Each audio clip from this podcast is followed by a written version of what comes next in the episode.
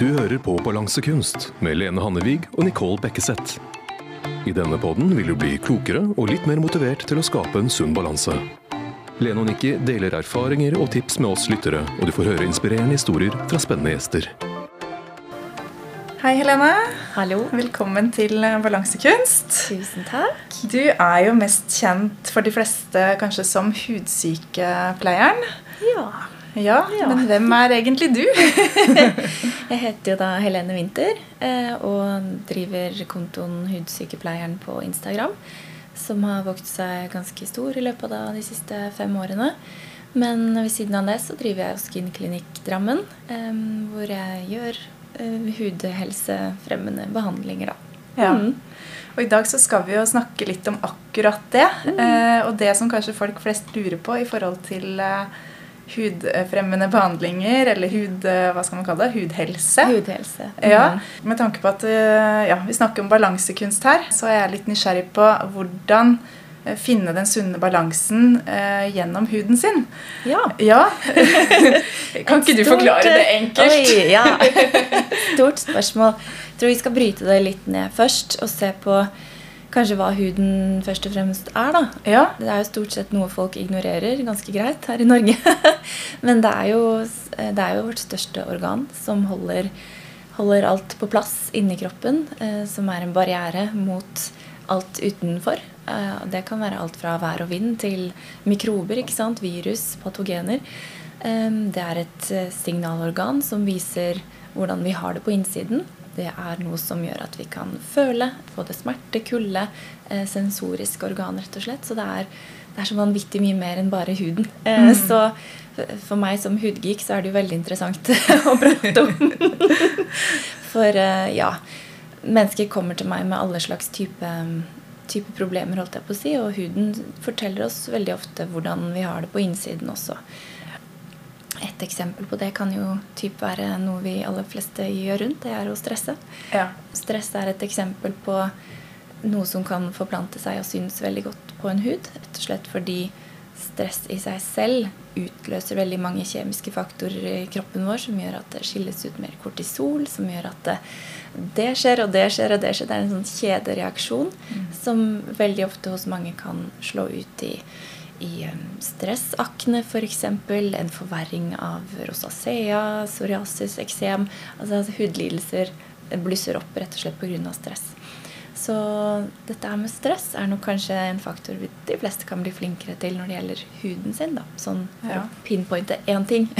Men er det sånn, ikke sant? for du sa når de kommer til deg, så har de ofte problemer. Så de fleste kommer på en måte etter at problemet kanskje har oppstått, da, og ikke nødvendigvis for forebygging. Riktig. Eh, Det er jo litt sånn her at har man trøbbel med, med hjerte, lunger eller andre vitale organer, så oppsøker man lege. Men er det noe med huden, så skal vi klare det sjøl. Og vi prøver gjerne i månedsvis, årevis. eh, Oppsøker kanskje litt hjelp av apotek eller andre eh, type mm, hudbutikker, holdt jeg på å si. Men kanskje man ikke får helt den, det man trenger, da. Eh, Man får ikke en ordentlig vurdering. Så, så veldig mange kommer til meg som en sånn 'Nå har jeg prøvd alt. Nå, nå får jeg gi deg en sjanse.' Ja. Og bare 'Å, gud'. ikke noe no pressure her, liksom. Nei, ikke sant? Men ja, jeg tror man burde være litt flinkere til å se på huden som et organ, rett og slett. Som man, som man ikke trenger å takle helt på egen hånd. Det fins mange mennesker med veldig god kompetanse på hud som gjerne stiller opp eh, for deg. Og det er jo det, er jo det første vi ser når vi møter et annet menneske. Det er det vi gjør oss opp et bilde om hvem en annen person er. Veldig, veldig raskt. Sånn at, eh, det, det er veldig sterkt linket til livskvalitet og selvtillit. Jeg tenker, Hvorfor ikke bruke litt tid på det eh, og få en god vurdering? Ja, og livskvalitet og selvtillit det er jo absolutt en del av ja, denne balansen også, da, som vi det. er veldig opptatt av.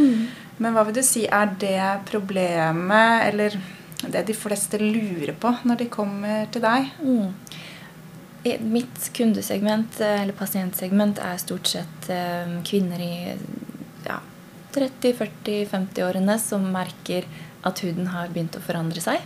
Enten med pigmenteringer, med fine linjer, med mm, volumtap. eh, Det kan være seg så mangt. Men de ser at det har skjedd noe. Det er ikke sånn de var for fem år siden. Og det plager de, fordi det de ser i speilbildet, reflekterer ikke helt sånn som de føler seg på innsiden. Og de søker da råd om, om hva de kan gjøre, eh, rett og slett for å, for å komme litt tilbake til seg selv da, og sånn de føler seg. Mm. Ja, nå føler jeg at du snakka rett til meg. og, og, ja, jeg òg har jo ligget på benken hos deg uh, i dag um, og fått behandling. Um, og en hudanalyse òg. Er det sånn du starter da med de fleste med å analysere huden? Ja, det er jo vanskelig å vite i en sånn behandlingsliste hva man skal velge. Så jeg oppfordrer alle til å gjøre en hudkonsultasjon først. Hvor vi kan gå i rett og slett, Jeg kan gå i dypet. Jeg må fjerne litt sminke. Jeg må få kjenne på huden. Jeg må få spurt deg de rette spørsmålene, sånn at jeg vet hva er det du ønsker, hva er det jeg ser. Sånn at vi er kompatible på det. Sånn at vi kan legge en plan for hva, hva, hva er alternativene her. Hva ønsker du deg? Hvor lang tid vil det ta? Eh, hvilket budsjett har du? ikke sant? Alle, mange ting må planlegges. Eh, så det å gjøre konsultasjon først, grundig, eh, ja. få vite hudtype, hudtilstand, hva, hvilke ingredienser er bra for deg, hva skal du holde deg unna, litt sånne ting. Og så er det jo ikke sånn at man gjør dette bare én gang. ikke sant? Er det ikke sånn at mm. huden fornyer seg ganske kjapt? Jo, jo, jo. Ja. Den, det er jo veldig interessant. Nå putta du en tier på kassa her. Ja. Så bra. Nei, men Det er jo helt riktig. Vi får jo ny hud basically hver, hver måned. Uh, og det er kjempe, kjempegøy at kroppen lager nye celler. Altså Vi har sånne mammaceller da, som bor ned i huden vår, som lager nye hver dag. Og de flasser av på toppen. Vi ser det jo ikke, for det skjer så jevnlig, men det ender jo opp under sofaen som støv. ikke sant? Men det som skjer, er at mammacellene de kopierer jo fra et genmateriale. Og genmaterialet vårt det blir ikke bedre med mindre man gjør noe for det. holdt jeg på å si. Det blir skadet av både forurensning, UV, frie radikaler, som på en måte som gjør at kopien gjerne blir dårligere og dårligere. Så hvordan kan vi påvirke denne kopimaskinen til å lage bedre kopier istedenfor at det bare blir dårligere og dårligere. Og det har man jo strategier på. Ja. Mm. Oh, så spennende. Det er jo lag på lag. det er, er så komplisert. ja. Hvor mange lag eh, har huden igjen? Å oh, gud, altså Det kommer an på helt hvordan man, eh, man ser det og deler det opp. Men vi har jo enkelt forklart en overhud um, som, um, som, på en måte beskytter uh, toppen. Det er det du rett og slett ser med øynene dine. Så har man en dypere dermis, som igjen er delt i to. Og så har du da underhudsfettet mm. Eh, nederst, som ofte ligger over musklene. Som da ligger over eh, benvevet vårt. Men det er variasjoner ut ifra hvor i ansiktet du er, da. Ja. Mm. Men tenk alle disse, alt, eh, alle disse lagene eldes, da. Fra vi er 25. Benmassen vår blir jo stadig mindre, og den synker inn rundt øynene. Øynehulen vår blir større. Eh, overkjeven roteres innover. Fettvevet vårt blir mindre enkelte steder, større andre steder. Musklene blir litt slappere. Huden vil sagge litt fordi vi har stekt den litt mye i solen. ikke sant? Og så får man kanskje pigmenteringer helt på toppen eller voksenakne eller hva det skulle være. Og alle disse tingene er liksom Litt sånn dystre utsikter, dette her. Nei da. Du har løsningen.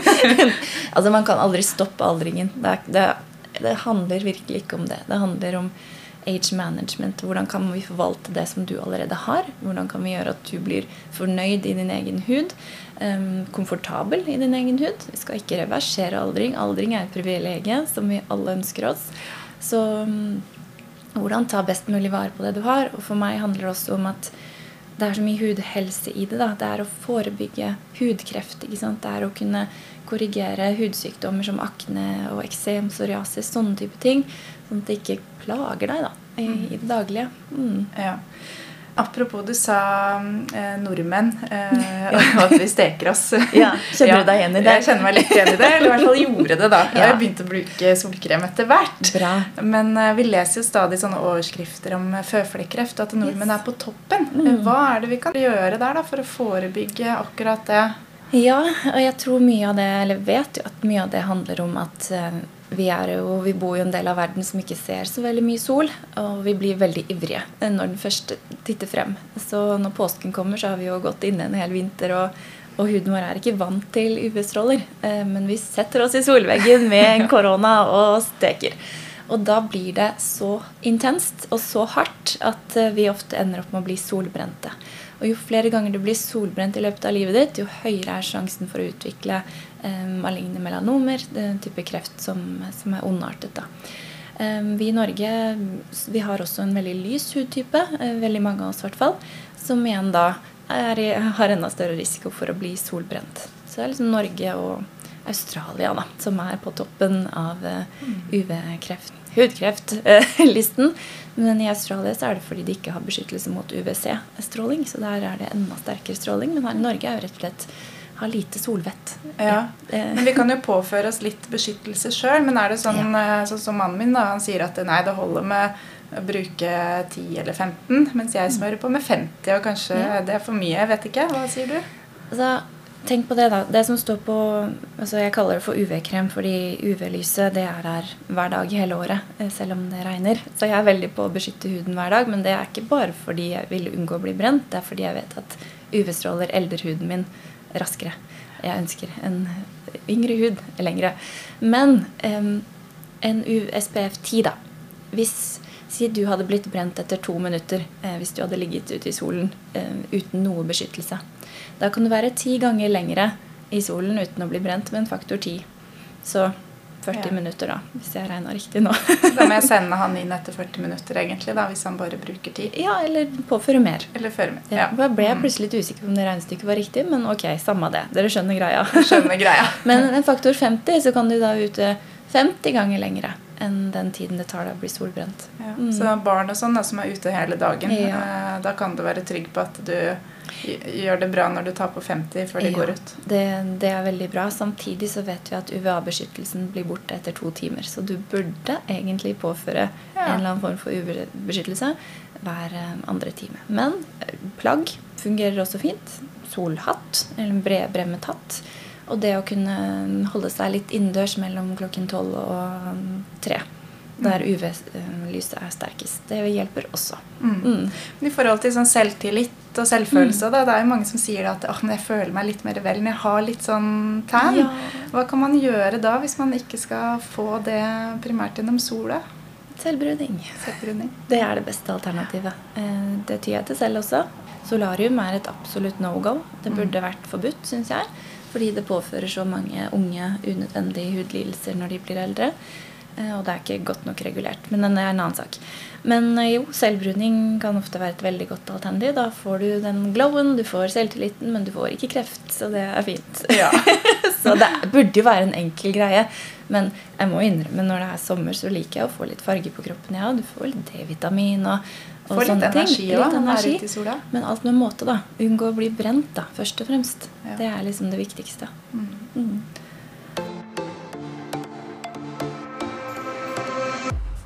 Det er mange av våre lyttere som er veldig opptatt med å komme i gang med litt sunnere kosthold, kanskje komme i gang med trening. Eh, hvis vi tar sistnevnte først, da, trening. Jeg opplever òg at noen av mine PT-kunder sier det at «Uff, jeg får så mye kviser. Yes. Mm. Har du noen tips der til hvordan man kanskje kan unngå det? Eller eh, hvorfor Ja. får man det når man trener? Det kan være litt eh, flerdelt, holdt jeg på å si. Noen kan jo få kviser etter eh, trening pga. rett og slett at det stimulerer til økt produksjon av det mannlige kjønnshormonet testosteron, som vi kvinner også har, men det øker når vi trener. Og det i seg selv trigger mer oljeproduksjon, som igjen kan trigge tilstopninger og kviser. Så det er en litt sånn negativ effekt av det, men samtidig det er jo bra, det òg. Men dette her med klogging av porer kan jo også skje hvis man trener med sminke. Eh, Svetten får liksom ikke kommet seg ordentlig ut gjennom porene. Det blir tilstopninger. Kanskje går man hele dagen uten å vaske seg eh, eller dusje. Sånne ting kan jo hjelpe litt på. Så tren uten sminke, vask ansiktet etterpå. Er du plaget av oljete hud, påfør gjerne litt salicylsyre. Bruk litt A-vitamin noen netter i uken. Men det beste er å få litt veiledning på dette her, selvfølgelig, men det er generelle regler, retningslinjer. Eh, Så unngå den tilstoppende, tilstoppende effekten. Og et veldig godt tips hvis det er noen som sliter med akne på ryggen, det er å mm, skylle ut balsamen forover, og ikke bak på ryggen sin. Fordi det, det tilstopper alle porene på hele ryggen. Ja. Så vask, vask gjerne ryggen med en god ansiktsrens, og så skyll balsamen fremover. Smart. Mm. Det er et veldig smart uh, tips. Ja da, det, er litt, det skal ikke så mye til alltid. Nei. Nei, det skal ikke det, altså. Så lenge man ikke har en alvorlig grad av akne. Eh, dette skiller vi jo på. Men eh, så kan man komme greit i mål med enkle rutiner morgen Ja. og kveld. Mm. Men i forhold til kosthold, da. det er jo kosthold. mange mm, eh, som sier at de kan få bedre hud når de gjør endringer i kostholdet sitt. Men det er også noen som sier at det blir forverra. Mm. Eh, Ikke nødvendigvis at de har allergier. Nei. Men kan ikke du si litt om sammenhengen kosthold og Mm. hud? Kosthold, altså alt av du kan få i deg av vitaminer og næringsstoffer vil jo være gunstig for huden. Det brukes jo i essensielle celleprosesser eh, sammen med vann. Vann er jo også en kjempeviktig ting å få i seg. Når det kommer til jeg vet ikke, Nå dro jeg det litt tilbake til akne igjen. da.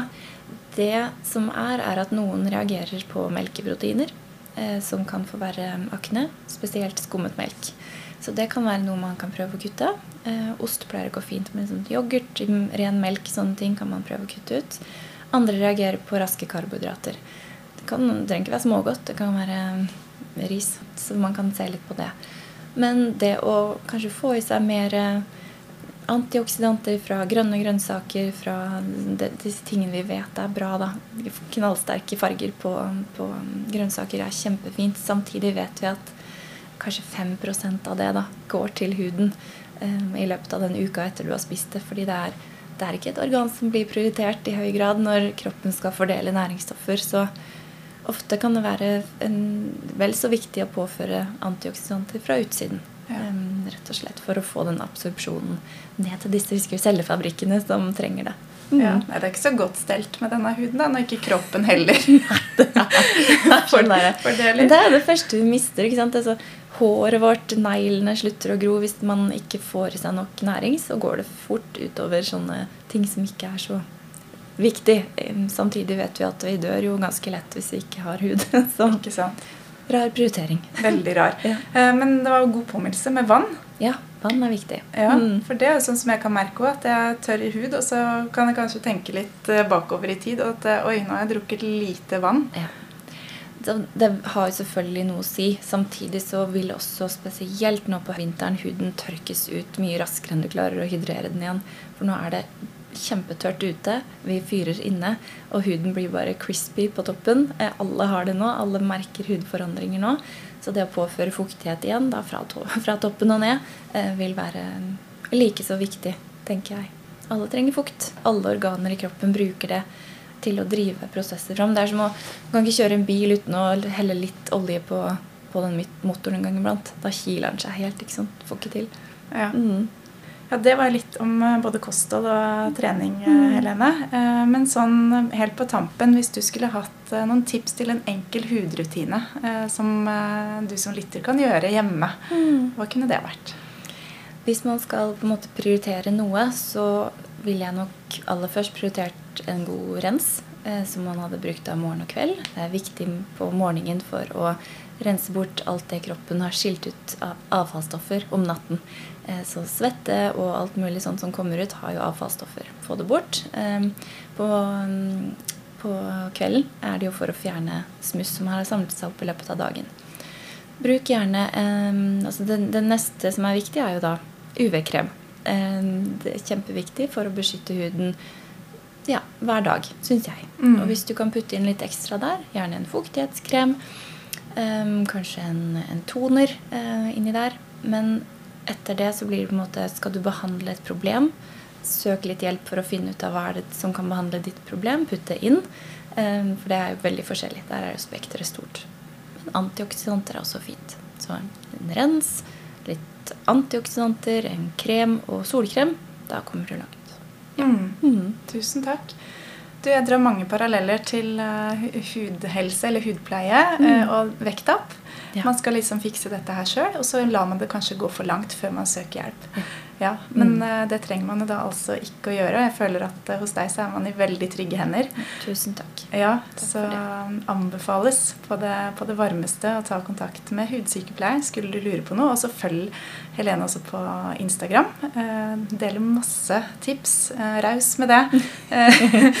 Og tullete videoer. og tullete videoer. ja. Nei, men tusen takk for praten, eh, Helene. Tusen takk for at jeg fikk være gjest hos deg. Du lyttet til Balansekunst med Lene og Nikki. Hold den sunne balansen ved å følge oss på Facebook og Instagram under balansekunst.podkast.